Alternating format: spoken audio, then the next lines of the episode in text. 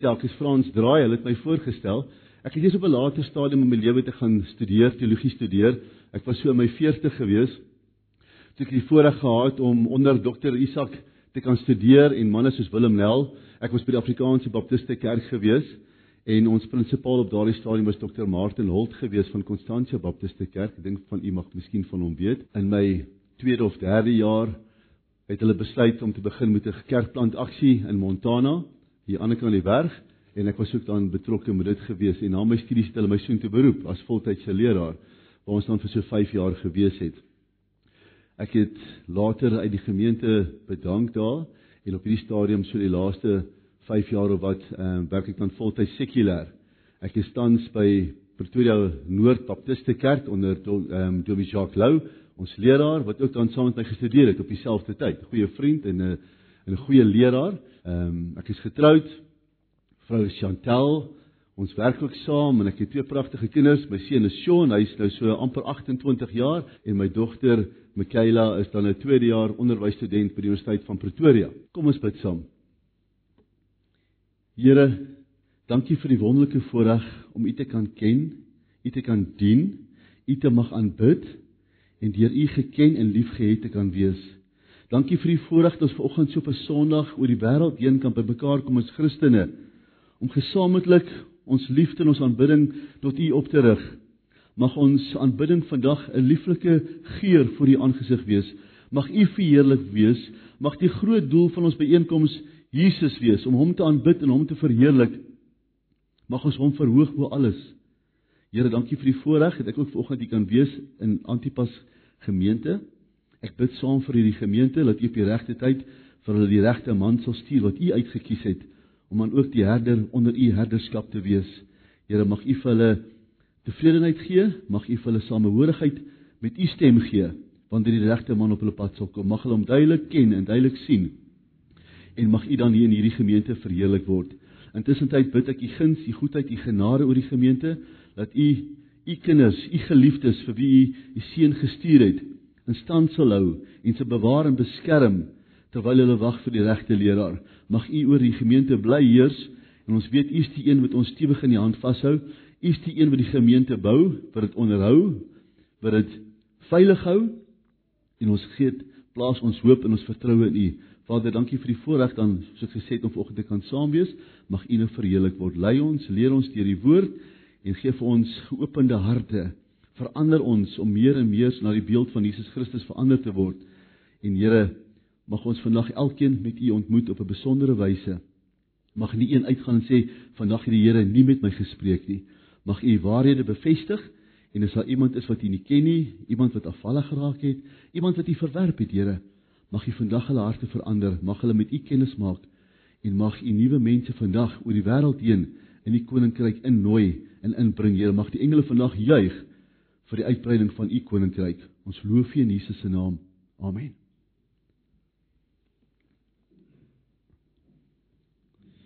Die tema van ons boodskap vanoggend is goddelike liefde en die hedendaagse kerk.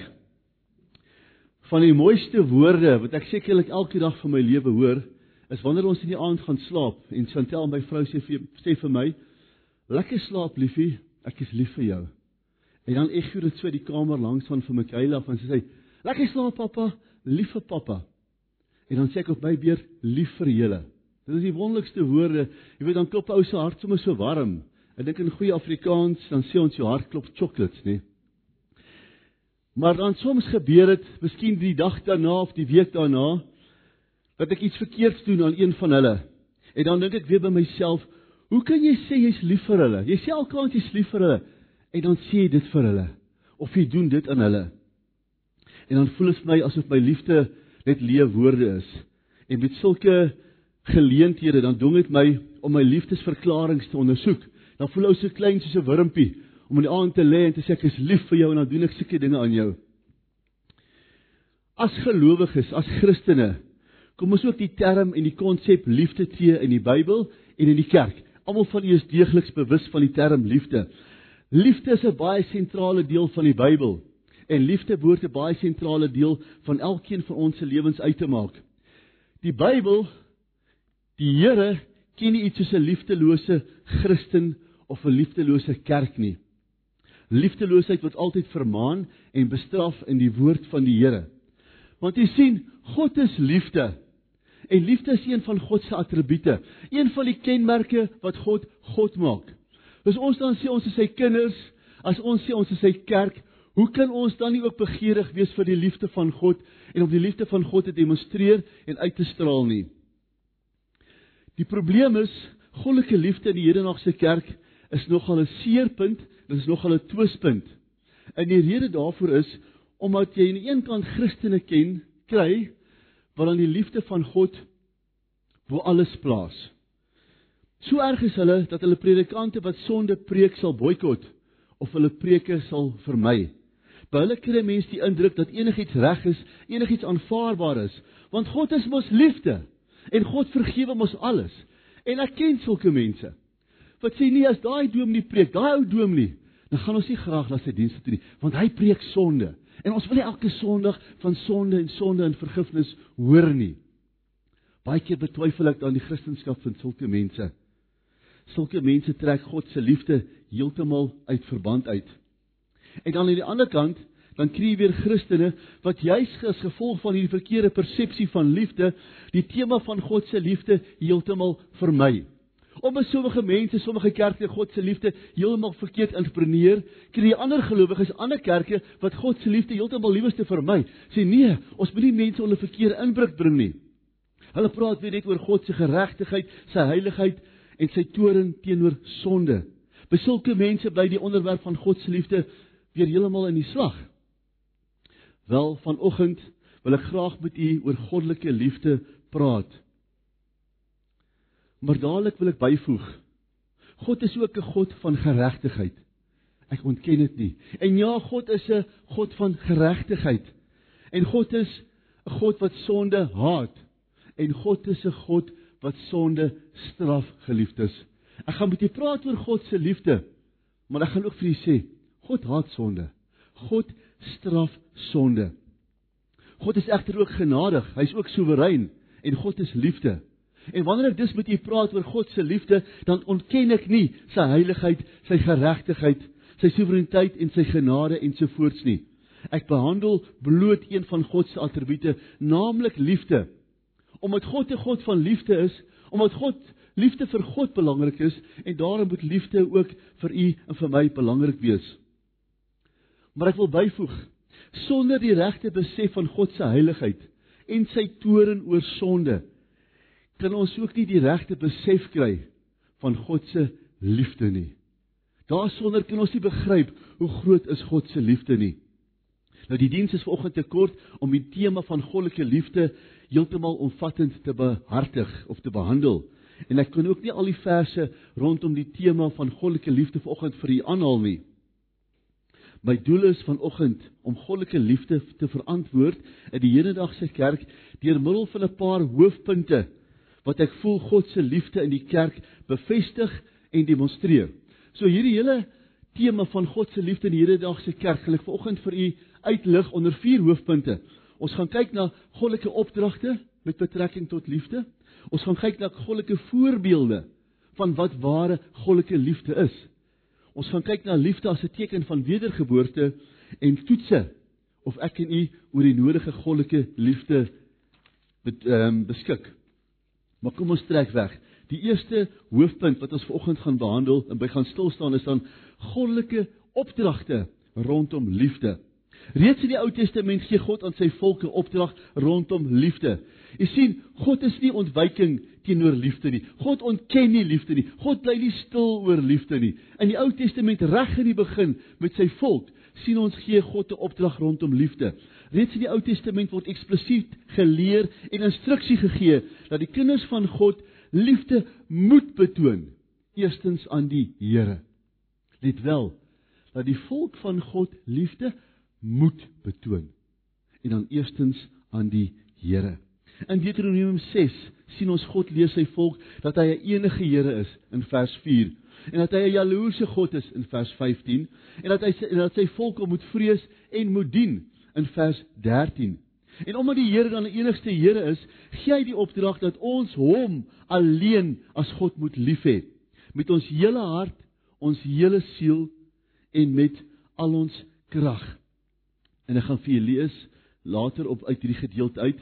So jy sien, die liefde wat God sy volk in die Ou Testament oor instruksie oorgee, is nie 'n uiterlike vertoon nie. Dit is 'n egte liefde. Want God sê of God vereis dat sy volk, sy mense, sy kinders moet lief hê met hulle hele hart.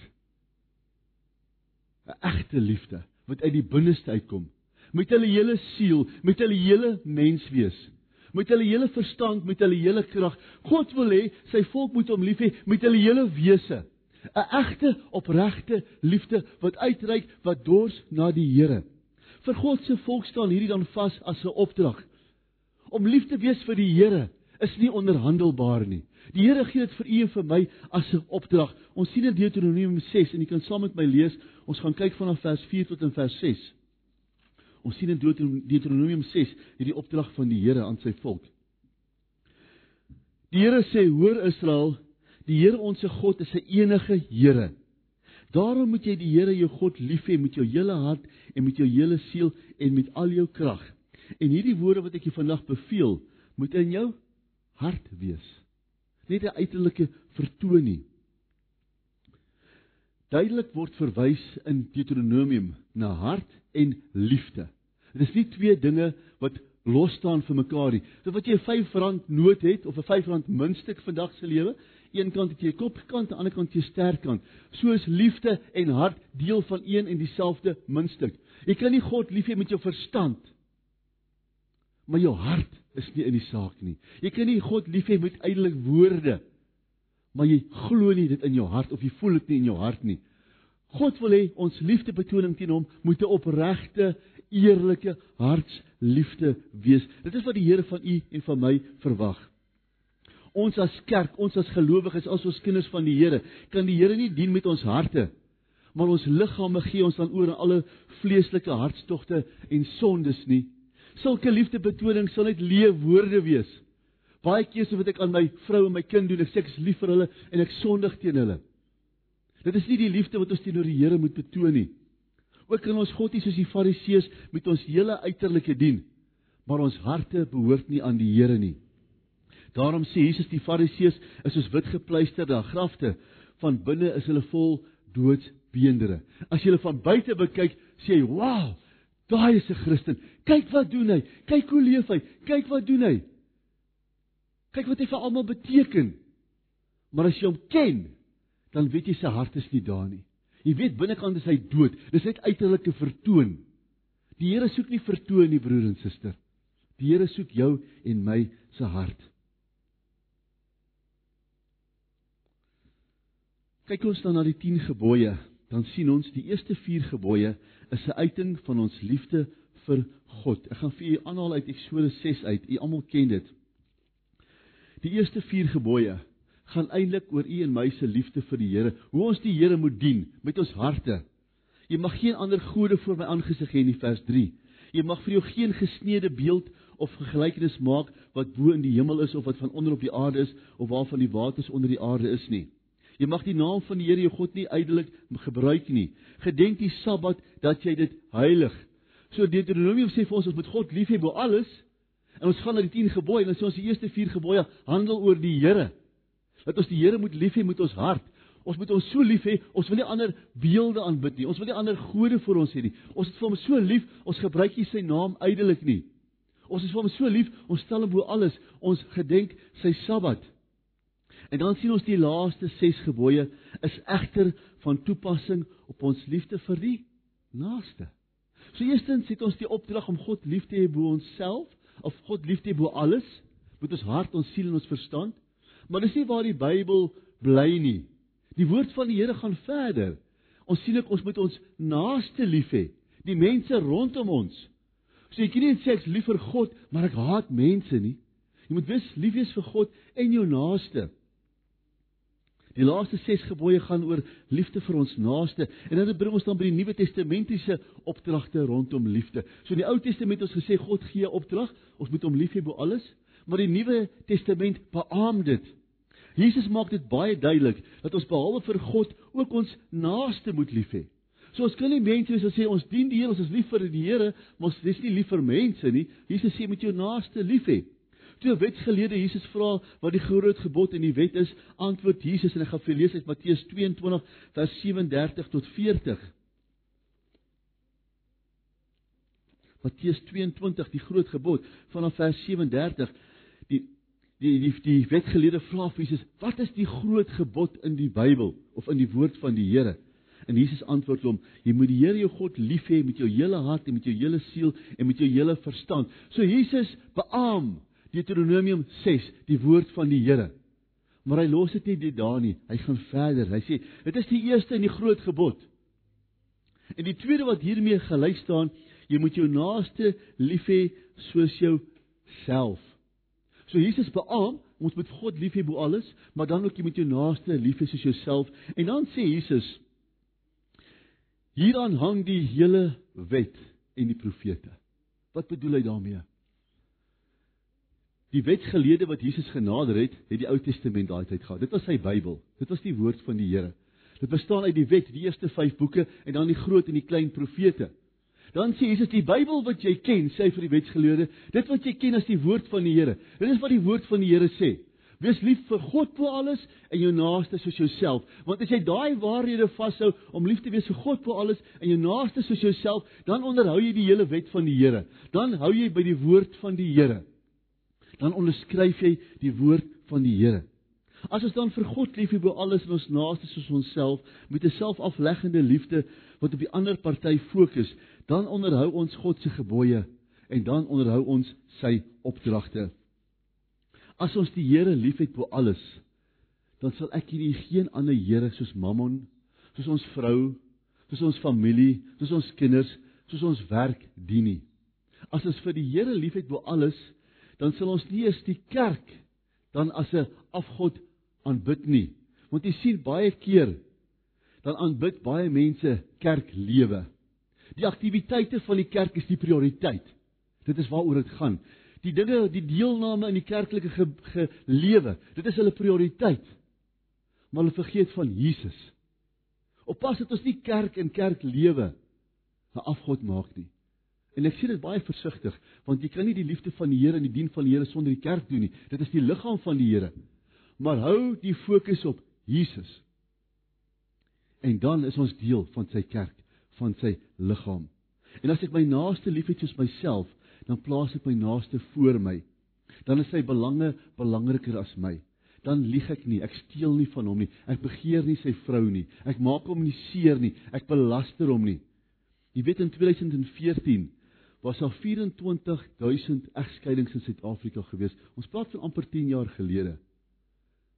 As ek my naaste liefhet, ek begeer nie sy vrou nie, ek los nie my vrou nie, ek vat nie sy vrou nie.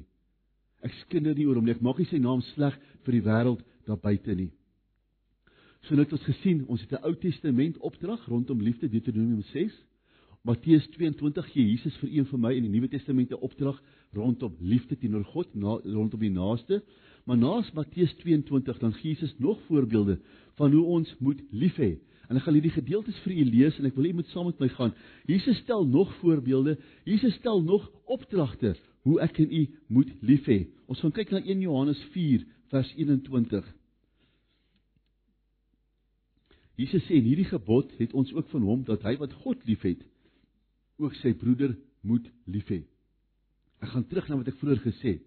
Jy kan nie sê jy's lief vir God, maar jy's nie lief vir jou broeder, nie lief vir jou suster in die kerk en die mense daar buite nie. Jesus sê as jy God liefhet, moet jy ook jou broeder lief hê. Die tweede een, 1 Johannes 3 vers 16. Hierin ons die liefde leer ken dat hy Jesus sy lewe vir ons afgelê het en ons behoort ons lewe vir die broeders af te lê. Jy as Christen, ek as Christen, het die liefde hierin leer ken dat Jesus Christus sy lewe vir jou en vir my afgelewe het om ons vry te maak van ons sonde skuld, die dood, om vir jou en vir my 'n nuwe lewe te gee. Hy het vrywilliglik sy lewe vir u en vir my afgelê. En dan gaan hierdie vers aan en sê ons behoort ons lewe vir die broeder af te lê. Ek en u kan nie ons lewens hoër ag as ons broeder en ons suster nie.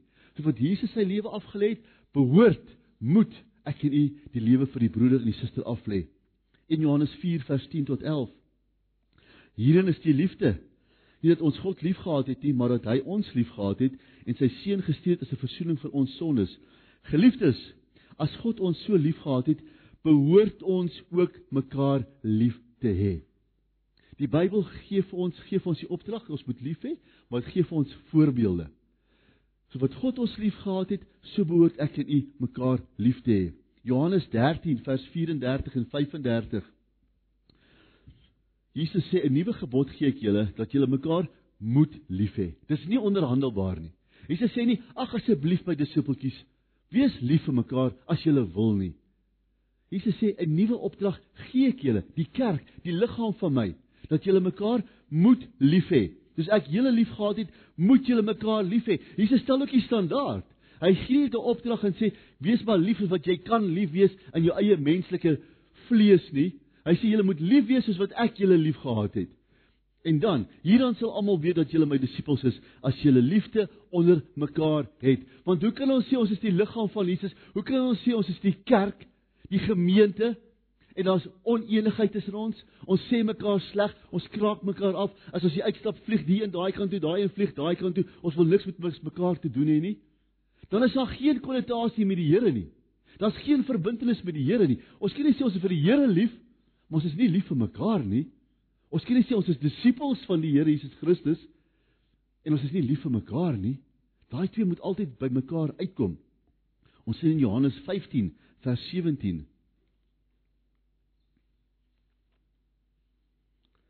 Dit gebied ek julle dat julle mekaar moet lief hê. Dit is die woorde van die Here Jesus Christus baie na voordat hy op die kruis gegaan het. Dit gebied ek julle dat julle mekaar moet lief hê.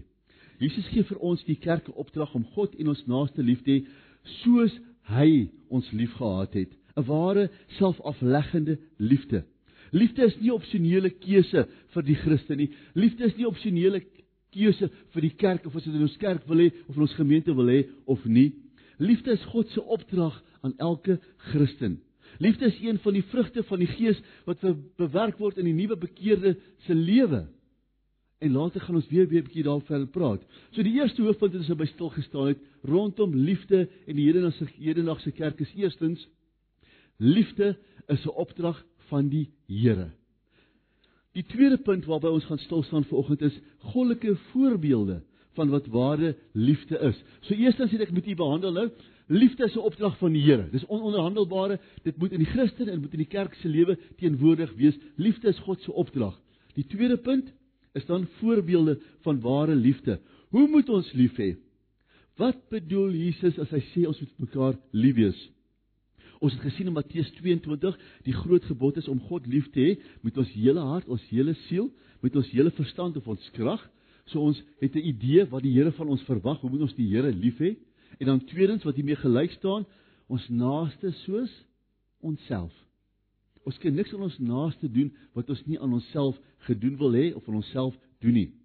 Maar vir gelowiges is dit belangrik om dan na die bron van liefde, na God self te gaan vir die voorbeeld van hoe om lief te hê op 'n goddelike Bybelse wyse, want God is liefde. 1 Johannes 4 vers 8. Hy wat nie liefhet nie, het God nie geken nie, want God is liefde.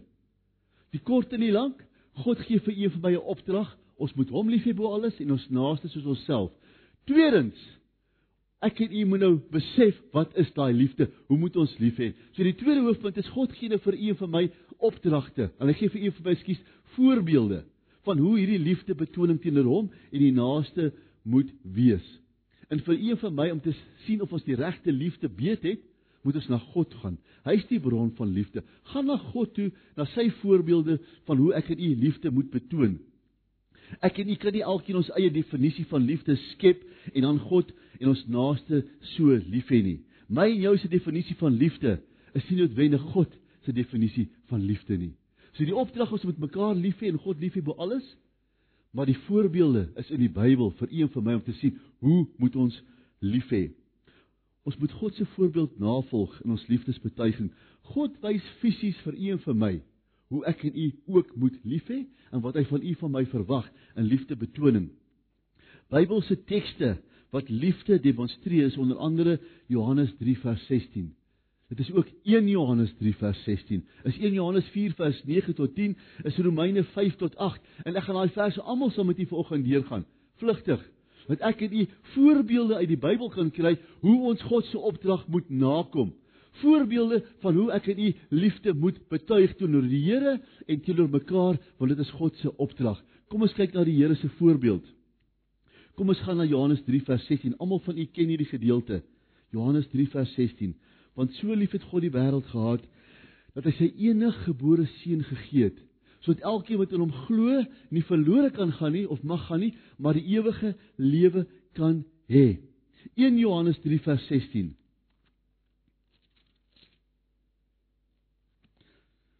Hierin het ons die liefde leer ken dat hy sy lewe vir ons afgelê het en ons behoort ons lewe vir die broeders af te hê af te lê dit praat van Jesus In Johannes 3 vers 16 sien ons hoe lief het God die Vader ons lief.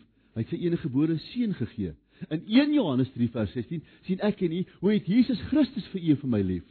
Hy het vrywilliglik sy lewe afgelê vir u en vir my. 1 Johannes 4 vers 9 tot 10 sê vir u en vir my Hierin is die liefde van God tot ons geopenbaar. Met ander woorde, as jy wil weet wat is God se liefde, kyk hierna.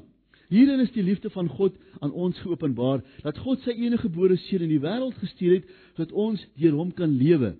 Hierin is die liefde dat ons God liefgehad het nie, maar dat hy ons liefgehad het en sy seun gestuur het as 'n verzoening vir ons sondes. Dit is 'n voorbeeld van ware liefde. Kom ons kyk na Romeine 5 vers 8. Het die Here vir een van my liefgehad en sy seun geoffer omdat ek en jy so goed is? omdat ons so voorbeeldig is. Kyk na Romeine 5 vers 8. Maar God bewys sy liefde tot ons daarin dat Christus vir ons gesterf het. Wanneer? Toe ons nog sondaars was. God het sy seun gestuur om in jou en my se plek te sterf 2000 jaar gelede met jou en my ook op sy gedagtes. Nie as goeie mense nie, maar toe ons nog sondaars was. Toe ons nie vir God gesoek het nie toe ek in nie God se vyand was, toe ek in nie in rebellie teen God was, toe reeds het hy sy seun gestuur vir u en vir my, dat elkeen wat in hom glo nie verlore kan gaan nie, maar die ewige lewe kan hê. Die woordjie so in so lief het God die wêreld gehad in Johannes 3 vers 16 wys vir een van my op die kwaliteit, die intensiteit van God se liefde vir die mensdom. Johannes 3 vers 16 sê, want so lief het God die wêreld gehad. So daai klein woordjie so is eintlik so 'n belangrike woord in daai vers. Want dit gee vir jou vir my die barometer. Dit gee vir ons die die manier van hoe. Dit sê so lief, dit wys op iets groters. Dit gee vir u vir my die gelykenis om te sê so lief het God die wêreld. As ons ooit sou wonder, hoe lief het God die wêreld gehad? So lief het God die wêreld gehad. Want na die so kom die voorbeeld, kom die hoe. Hoe lief het God die wêreld gehad? So dat hy sy enige gebore seun gegee het. Die woordjie gegee, te domi in Johannes 3 vers 16 beteken om uit jou eie uit vir iemand anders iets te gee met die doel om die ander party te bevoordeel. So lief het God die wêreld gehad dat hy sy enigste gebore seun gegee het. Daai woordjie gegee, dit is nie 'n maklike gegee. Ag ek het baie geld, kom ek gee vir jou R5 uit my oortollige geld nie. Hoe het God gegee? Hoe het hy sy seun gegee? Die woordjie didomi beteken om iets uit jou eie uit vir iemand anders te gee met die doel om die ander party te bevoordeel. Ook sluit die betekenis van daai woordjie in om 'n geskenk te gee om van jou self te gee. As jy volgens Jesus en jy's 'n ouer, dan weet jy hoe lief jy vir jou kind. Hoe gaan dit wees om jou kind te gee vir iemand wat jou haat? Iemand wat jou nie soek nie, iemand wat jou nie wil hê nie, iemand wat jou minag, iemand wat nie vir jou luister nie. Hoe gaan ons ons kinders vir so 'n persoon gee? Offer. So lief het God die wêreld gehad. Ek en u kan dit nie besef nie, maar tog gee die Bybel vir ons 'n voorbeeld net om ons in die regte rigting te dwing. So lief het God die wêreld gehad. Sy geliefde seun, sy enige gebore seun wat van altyd saam met hom was in die hemel en vir altyd met hom weer sal wees. Dat hy daai geliefde sondelose seun van hom gegee het vir 'n sondaar soos ek en vir u. So lief het God die wêreld gehad. Dit is die voorbeeld van goddelike liefde. In Johannes 1 Johannes 3 vers 16 is die voorbeeld van Jesus se liefde. Ons sien in 1 Johannes 3 vers 16. Hierdan het ons die liefde leer ken dat hy sy lewe vir ons afgelê het en ons behoort ons lewe vir ons broeders af te lê. Die woordjie afgelê kom hier in voor. Die woordjie tetemi of afgelê word die beste omskryf in 1 Johannes 10 vers 11 wanneer Jesus sê ek is die goeie herder. Die herder lê sy lewe af vir sy skape. Die herder gee sy lewe vir die skape. Hy's bereid om dood te gaan, om doodgemaak te word vir die skape. Hy ag die skape se lewe hoër as sy eie lewe. So lief het die seun vir u en vir my lief dat hy sy lewe vrywilliglik afgelê het vir u en vir my. Sy lewe is nie van hom af afgedwing nie. Dit is nie van hom af weggeruk nie. Ja, mense het hom op die kruis gesit, hy's gekruisig. Maar ons weet as hy kon kon hy engele ingeroep het om hom vry te maak. Hy's nie gedwing nie. Hy het vrywilliglik sy lewe afgelê. Die goeie herder lê sy lewe af vir die skape. So lief het Jesus die Christus, ons se Here, vir u en vir my. Vrywilliglik het hy sy lewe afgelê. Hy wat God is, wat altyd God was, wat vir jou en vir my geskaap het, wat die wêreld geskaap het en alles in die wêreld geskaap het vir homself. Hy word 'n mens. Hy word vlees en bloed soos ek en jy. Sonder sonde, maar vrywilliglik om iets te kom doen wat ek en jy nie kan doen nie. Om die lewe te kom lei wat ons nie kan lei nie. En dan daai sondelose lewe te gee. Hy het nie gekom as 'n prins in pragt en praal op 'n wit perd met 'n perskleed nie. Hy's verag, hy's minag, hy's gespoeg. Hy's sleg gesê, hy's belaster. Hy's weggejaag deur sy eie vir jou en vir my. Hy het te voet geloop. Hy het honger gely. Hy het in 'n visserskuit gery.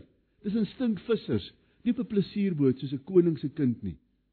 Vir u en vir my. Vrywilliglik. Dit is wat die seun van God vir u en vir my gedoen het. Dit is goddelike liefde se definisie om jou lewe af te lê sonder om iets terug te verwag. In Johannes 3 vers 16 sien ons God se liefde vir die verlore gaande wêreld was so groot. Dit is die voorbeeld dat hy sy geliefde seun gegee het, nie net gegee het nie, geoffer het sodat hulle wat sou glo gered sou word. Die Vader gee dis sy kosbaarste besitting, sy geliefde seun om te sterf vir sondaars soos ek en u. En ek dink vir u en vir my om bietjie meer te besef hoe lief die Vader vir u en vir my gewees het om sy kosbaarste besitting, sy enige gebore seun vir ons te gee het. Moet ek en u 'n draai gaan maak in Jesaja 53. Dan kan ons sien wat het dit die Vader gekos om sy seun vir u en my te gee. Kom ons lees saam Jesaja 53. Kom ons lees vers 5 en vers 6. Kyk wat het die Vader toegelaat. Kyk eintlik waarvoor het die Vader sy seun gestuur? Want hy het sy seun gestuur met een doel dat sy seun kan gekruisig word vir jou en vir my se sonde om die prys in jou en my se plek te betaal. Nie vir 'n goeie lewe nie. Die kruis was Jesus se eindbestemming geweest. Golgotha was sy uitbestemming vir u en vir my. Maar hy is ter wille van ons oortredinge deurboor. Ter wille van ons ongeregtighede is hy verbrysel en die straf wat vir ons die rede aanbring was op hom. En deur sy wonde is daar vir ons genesing gebring. U sien dit is 'n treurige prentjie wat vir ons ingehou is wat met Jesus gebeur het vir u en vir my. Dit is wat die Vader sy seun na toe gestuur het vers 7. Hy is mishandel hoewel hy onderworpe was en hy het sy mond nie oopgemaak nie soos 'n lam wat uit die slagpyl plek gelei word soos 'n skaap wat stom is voor sy skeerders ja hy het sy mond nie oopgemaak nie. Uit die druk en uit die straf gerig is hy weggeneem en ons sy tydgenote. Dan kyk ons ook na vers 10 en vers 11 luister hier na hierdie woorde. Maar dit die Here behaag om hom te verbrysel. So lief het God die wêreld gehad dat hy sy enigste gebore seun gegee het. Wat is hy gegee? Dit het hom die Here behaag om hom die seun te verbrysel. Hy het hom krank gemaak as 'n as sy siel 'n skuldoffer aangebied het, sal hy 'n nakloos sien. Hy sal die dae verleng en die welbehae van die Here sal deur sy hand verspoedig wees. Weens die moeitevolle lyde van sy siel sal hy dit sien en versadig word. Daai 10a maar dit die Here behaag om hom te verbrysel. Want toe die Vader uit die hemel neerkyk op Golgotha, het hy vir Frans draai en sy sondes daar gesien. En hy moes verbrysel geword het. Ek en u vir ons sondes moes verbrysel geword het. Dit die Vader behaag. Dit was goed vir die Vader om hom te verbrysel want hy was in jou en my plek. Hy het met u en met my plekke omgeruil. Dis wat Jesus Christus gedoen het. Hy het dit nie verdien nie. Hy was sondeloos. Hy staan in goddelike geregtigheid en hy gaan op die kruis vir jou vir my. Die Vader sien vir jou en my op die kruis. Hy stort die toorn op sy sonde op die sonde op sy seun uit in jou en my se plek. En ek en u ruil plekke, ons kry sy geregtigheid. So lief het God die Vader, so lief het die Seun vir u en vir my. Dit is die voorbeeld van goddelike liefde betoning om jouself af te lê vir iemand wat dit nie verdien nie. Iemand wat dit nie nodig, ag iemand wat dit nie nodig het nie, iemand wat dit nie verdien nie, iemand wat dit nie voor geregverdig is nie. In Johannes 3 vers 16 sien ons aan Christus se omvang van liefde. Hy wat self God is, word 'n mens op uiteindelik sy lewe vrywilliglik af te lê op die kruis en te sterf vir u en vir my in ons plek as sondaars. God se liefde is dus onvoorwaardelik. God se liefde is nie 'n ruiltransaksie nie. En dis wat ek en jy moet leer. Want God gee vir ons opdrag, ons moet lief wees vir hom en vir ons naaste en God gee vir ons voorbeelde. En God se voorbeeld wys vir ons sy liefde is nie 'n ruiltransaksie nie. God het nie uit sy liefde uit vir ons iets gegee omdat ons in ruil vir hom iets teruggegee het nie. Moenie verwag jou broer en suster moet eers vir jou iets goeds doen, vir iets gee voordat jy vir hulle lief is nie. Dit is nie 'n ruiltransaksie nie. 1 Johannes 4 vers 10 sê: "Hierin is die liefde, nie dat ons God liefgehad het nie, maar dat hy ons liefgehad het en sy seun gestuur het as 'n verzoening vir ons sondes." Ek en u moet lief wees ongeag die broer en die suster. Dit is goddelike liefde, ongeag nie vir wat ek gaan terugkry uit hierdie verhouding uit nie. Ek gee my lewe vir die Here. Ek gee my lewe vir die kerk, vir die broer en die suster. Ons het dus nou gesien om liefde te gee aan God en ons naaste is God se opdrag aan elke gelowige. Ons het tweedens het ons gesien God gee vir u en vir my voorbeelde hoe ek en u se liefde moet lyk. Onvoorwaardelike selfafleggende liefde. Die derde hoofpunt wat ons by gaan stil staan, ons kom nader na die einde, is dan liefde as 'n teken van wedergeboorte. In die derde hoofpunt waarby ons gaan stil staan, gaan ons kyk Hoe lyk liefde as 'n teken van wedergeboorte? Daar's verskeie verse wat bevestig goddelike liefde is 'n teken van ware wedergeboorte. Kom ons gaan na 1 Johannes 3 vers 14. Goddelike liefde as 'n teken van wedergeboorte om vir een van my te wys is ons werklik waar kinders van die Here. Is ons eg? Dien ons die Here met ons harte. 1 Johannes 3 vers 14. Hierin het ons die liefde leer ken dat hy sy lewe vir ons afgelê het, ons behoort ons lewe vir die broeders af te lê.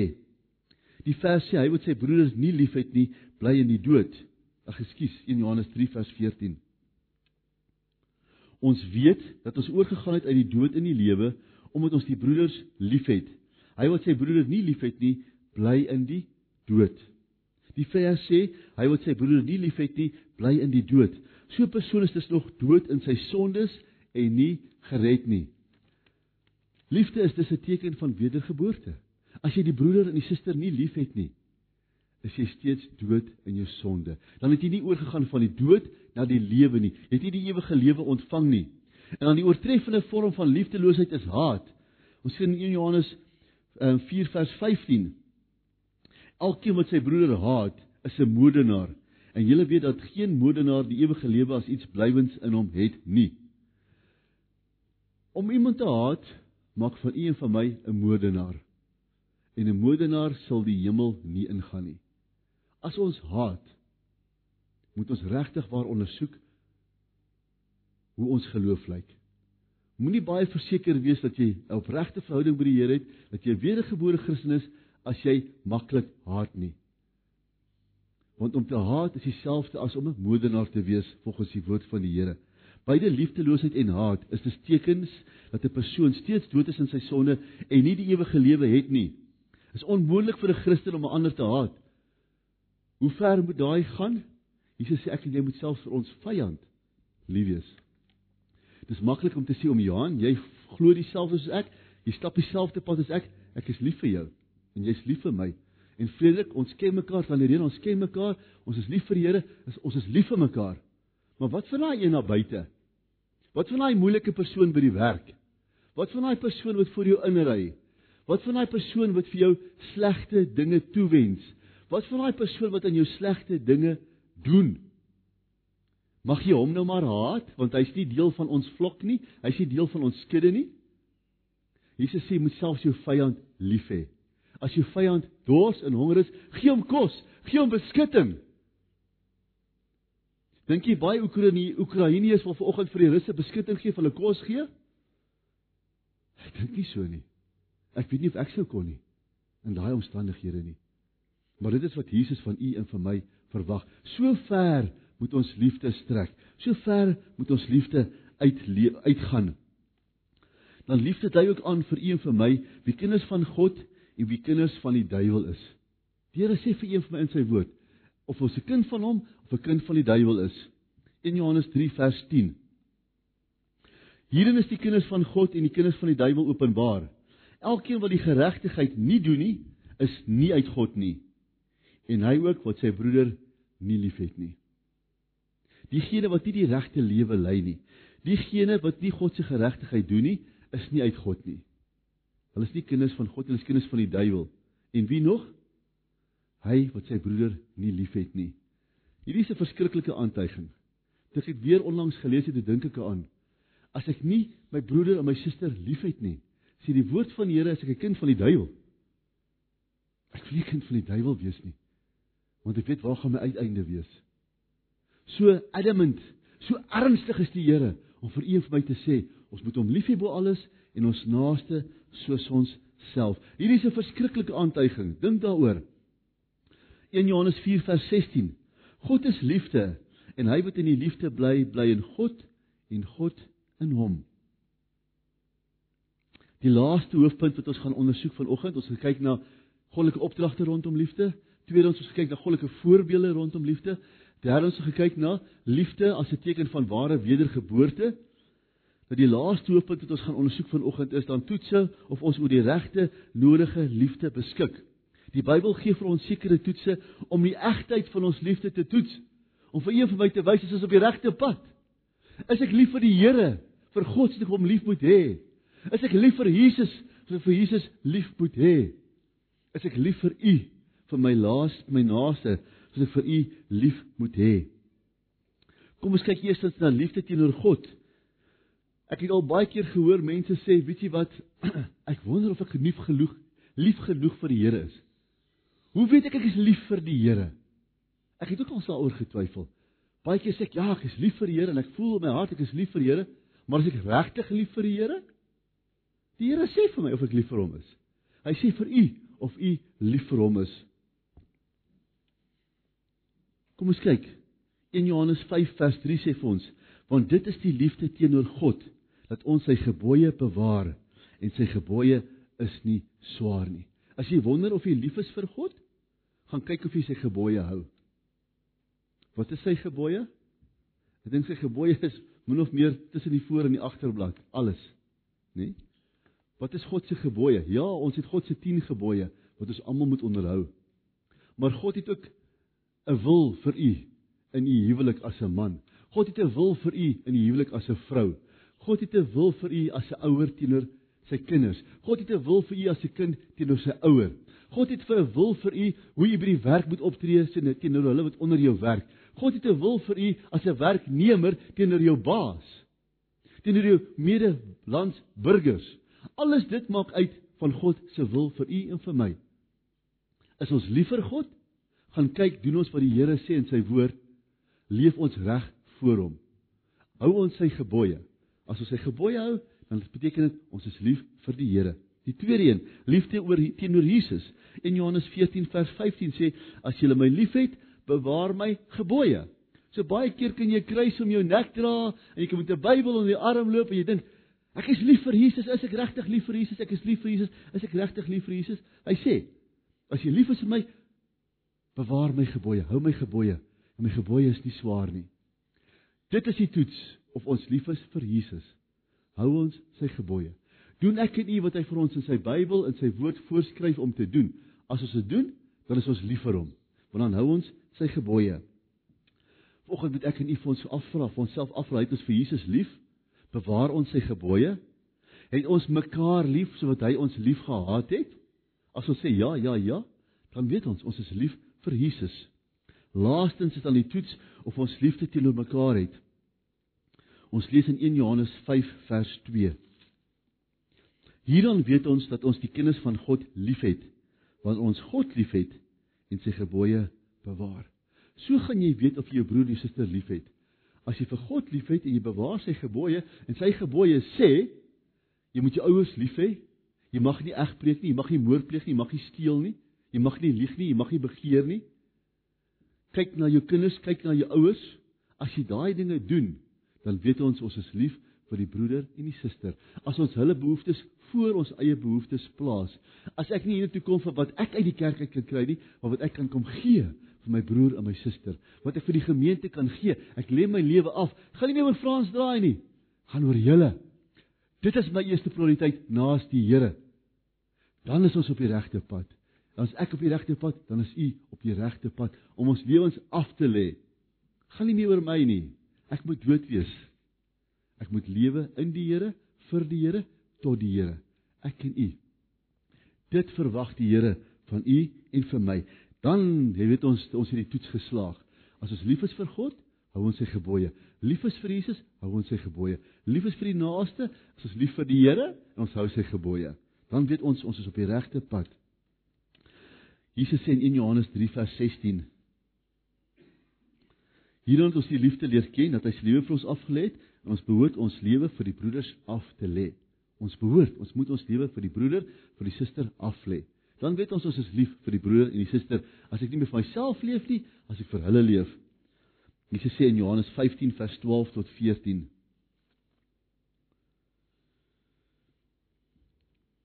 Dit is my gebod dat julle mekaar moet lief hê net soos ek julle lief gehad het. Groter liefde het niemand as dit nie dat iemand sy lewe vir sy vriende gee. Julle is my vriende as julle alles doen wat ek julle beveel. Broer en suster, Dit is waaraan ek en u onsself moet toets. Ek sluit af. As u 'n gelowige is, as jy werklik waar 'n kind van die Here is vanoggend en jy sit hier in hierdie gemeente voor my, dan hoop ek iets weer eens gesien en onthou wat Jesus vir u en vir my gedoen het vir ons redding. Ek koop dit vanoggend net weer onthou wat 'n prys hierdie Here betaal om vir u en vir my deel van sy koninkryk te maak. Om 'n Christen te wees is nie goedkoop nie.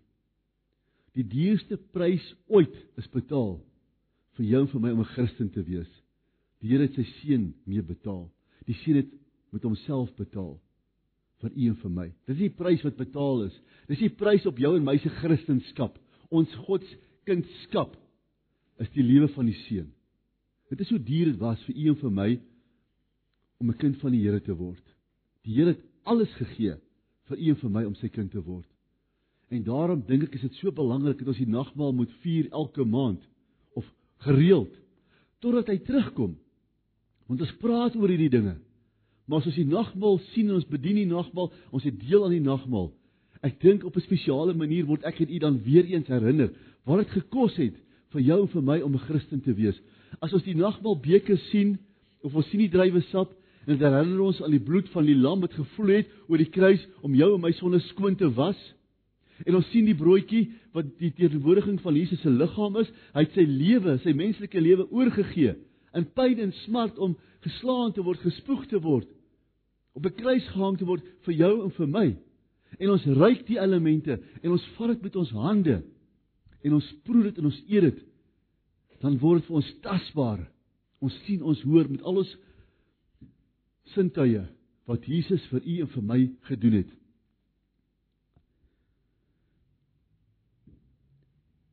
As ek nie 'n Christen is, dan moet ons vanoggend vir onsself vra, het ek steeds met daai selfde liefde lief as toe die Here vir my lief gewees het? En as dit nie is nie, dan moet ons dit opskerp. Dan het ek in die huiswerk om te doen. Liefde teenoor God, liefde teenoor die naaste. En as jy vanoggend hier sou sit en jy het nog nie jou lewe vir die Here gegee nie, jy's 'n ongelowige of jy's nie seker nie, dan wil ek vir u sê ek hoop jy het vanoggend gesien wat die Here gedoen het vir mense soos jy en 'n mens soos ek om 'n deel te word van sy koninkryk. Dit is die Here wat ons as Christene aanbid, liewe ongelowige. Ons aanbid nie 'n Here wat eerstens alles van ons af vra voor ons deel van sy uitgesoektes kan wees nie. Ons dien 'n Here wat eers sy alles gegee het vir ons wat hom nie gesoek het nie, wat hom nie geag het nie, wat hom sy vyand was, wat hom verwerp het om deel van sy kudde te word. Dit is die liefde van die Here wat ons dien as Christene. Christendom so gesê is nie goedkoop nie. Jesus het betaal vir ons om kinders van hom te wees. Baie keer dan sê mense, ek wil nie ek bang om nou al my lewe vir die Here te gee. Ek het so baie wat ek wil doen. Ek wil nie my lewe verloor nie. Jy sien uit die oog van die ongelowige is om jou lewe te verloor om 'n Christen te word. Jy dink aan alles wat jy miskien moet prys gee. Maar weet jy wat? As jy volgende ongelowige is, dan gaan jy miskien 5 jaar of 10 jaar of 50 jaar of 70 of miskien 80 jaar word om daai dinge te geniet. Dit is weg. Niks is blywend nie behalwe dit wat jy vir die Here doen. Dit is weg. So eintlik het jy nie lewe gekry nie. Jy het nie jou lewe behou nie. Jy het jou lewe verloor. Want ons almal is sondaars. Ons almal het gesonde. Die loon vir die sonde is die dood. As jy nie die lewe vir jou die jou lewe vir die Here gee nie, dan gaan jy self moet betaal aan die einde van daai lewe met jou dood, 'n ewige dood. Jy gaan vir altyd bestaan, ja, maar nie by die Here met die Here nie. Jy sal in die hel betaal vir jou sondes. Vir daai paar jaar van dinge wat jy dink lekker was. So dis nie om jou lewe te weg te gee om die Here te dien nie. Eindelik jok ek, op 'n sekere manier moet jy jou lewe aflê, nê? Om 'n Christen te word, maar jy verloor nie, jy wen. Jy kry lewe, jy kry die ewige lewe. En daai ewige lewe kry jy die dag wat jy die jou lewe vir die Here gee. Dit begin, begin nie in die hemel nie. As jy jou lewe vir die Here gee, begin die ewige lewe. Dan hou jy jou stewig in sy hand vas en niks sal jou uit sy hand uitruk nie. Dan is jou naam op sy palm geskryf. Jou naam is in die boek van die lewe. Jy gee niks weg nie. Jy ontvang alles. Jy kry alles. Jy wat 'n sondaar is, wat moet sterf vir jou eie sonde in die hel vir ewig bestaan in die hel, jy kry 'n kroon. Nie 'n aardse kroon met aardse diamante nie, jy kry 'n hemelse kroon. Jy kry 'n kleed witter as sneeu, skoon gewas met die bloed van die lam. Jy word geag as 'n kind van die Here, koningskind. Ons deel enig saam met hom in sy hemel, saam met hom in sy koninkryk en enig saam met hom in sy heerlikheid en sy heerskappy. Nie een van ons verdien dit nie. Sien nie wat kry jy om 'n kind van die Here te word? Jy kry alles. Alles wat jy nie verdien nie. Alles wat ek nie verdien nie. Kom ons bid saam. Here, dankie dat U vir ons so lief gehad het. Dat U alles gegee het dat ons kan deel hê aan U koninkryk. Dankie dat U ons nie net weggevee het voor U aangesig en ons verdoem het en ons in die hel gewerp het wat U mag en kon gedoen het, nie alle reg daartoe gehad. Maar U het U seun gestuur om te kom sterf in ons plek, om te kom betaal wat ons nie kon betaal nie. En Here het sy lewe weer opgeneem na hy die prys betaal het. En daarin is vir ons ook die hoop dat ons hom sal volg. Ook as ons ons fisiese lewe die dag aflê. Ons saam met U sal wees op grond van dit wat Jesus Christus vir ons gedoen het en op grond van dit alleen. Nie wat ons verdien nie, nie wat ons vermag nie, op grond alleen van dit wat hy vir ons gedoen het. Dankie dat ons aan U kan vashou as ons hoop, as ons sekerheid. Here, as die mense vanoggend is wat lou geword het, wees genadig is die mense is wat u nie ken nie, wat u dalk nie wil ken nie, mense wat u selfs verwerp, wees genadig. Verander asseblief harte van klip na vleesharte wat sal uitreik na u. Mag u woord mense se harte binnendring en mense verander tot eer van u heilige naam alleen. Ons loof u in Jesus se naam. Amen. Terwyl u staan, sluit ek af deur vir u gedeelte te lees uit Hebreërs, die Hebreëbrief 4 vanaf vers 14 tot en met vers 16 terwyl ons dan 'n groot hoëpriester het wat deur die hemele deurgegaan het, naamlik Jesus, die seun van God, laat ons die belydenis vashou. Want ons het nie 'n hoëpriester wat nie met ons swakhede medelee kan hê nie, maar een wat in alles opsigte versoek is net soos ons, maar sonder sonde. Laat ons dan met vrymoedigheid na die troon van die genade gaan, sodat ons barmhartigheid kan verkry en genade vind om die regte tyd gehelp te word tot sover. Amen.